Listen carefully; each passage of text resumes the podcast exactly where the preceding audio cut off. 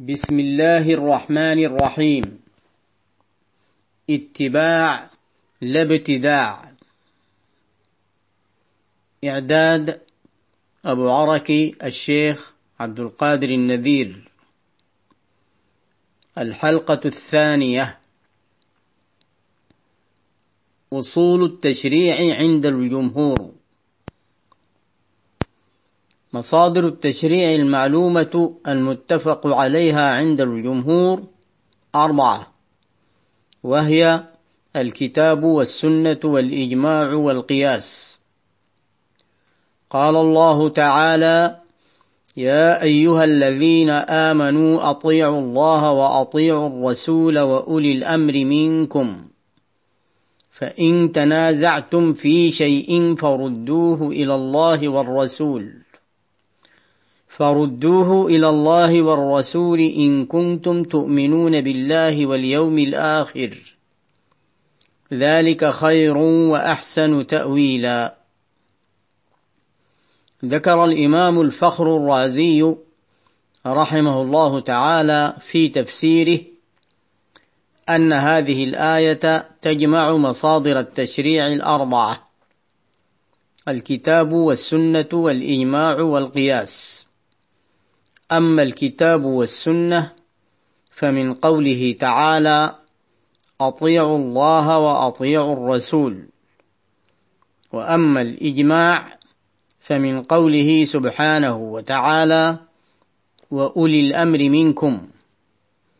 وأما القياس فمن قوله تعالى فإن تنازعتم في شيء فردوه إلى الله والرسول.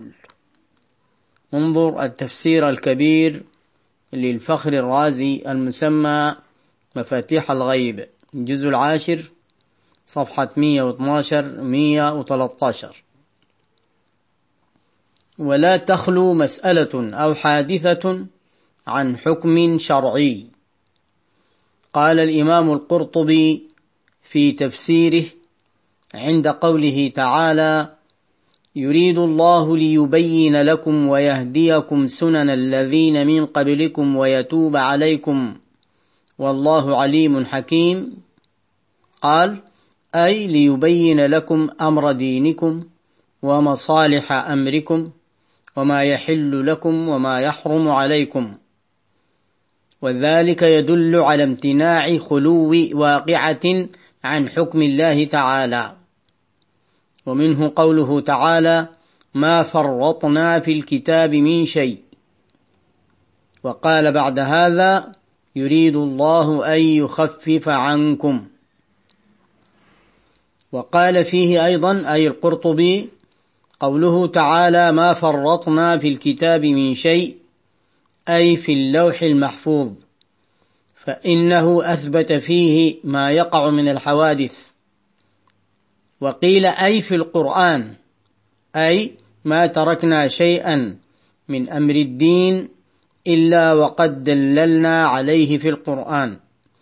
إما دلالة مبينة مشروحة وإما مجملة يتلقى بيانها من الرسول عليه الصلاة والسلام أو من الإجماع أو من القياس الذي ثبت بنص الكتاب. قال الله تعالى ونزلنا عليك الكتاب تبيانا لكل شيء. سورة النحل. الآية 89 وقال وأنزلنا إليك الذكر لتبين للناس ما نزل إليهم. سورة النحل الآية 44 وقال وما آتاكم الرسول فخذوه وما نهاكم عنه فانتهوا. الحشر سبعة. فأجمل في هذه الآية وآية النحل ما لم ينص عليه مما لم يذكره.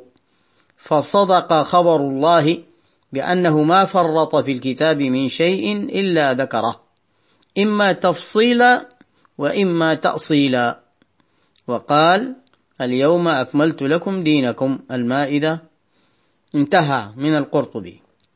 وقال الإمام النووي في شرح مسلم عند الحديث رقم 1617 إن عمر رضي الله عنه قال إني لا أدع بعدي شيئا أهم عندي من الكلالة. ما راجعت رسول الله صلى الله عليه وسلم في شيء ما راجعته في الكلالة. وما أغلظ لي في شيء ما أغلظ لي فيه حتى طعن بأصبعيه في صدري وقال يا عمر ألا يكفيك آية الصيف التي في آخر سورة النساء؟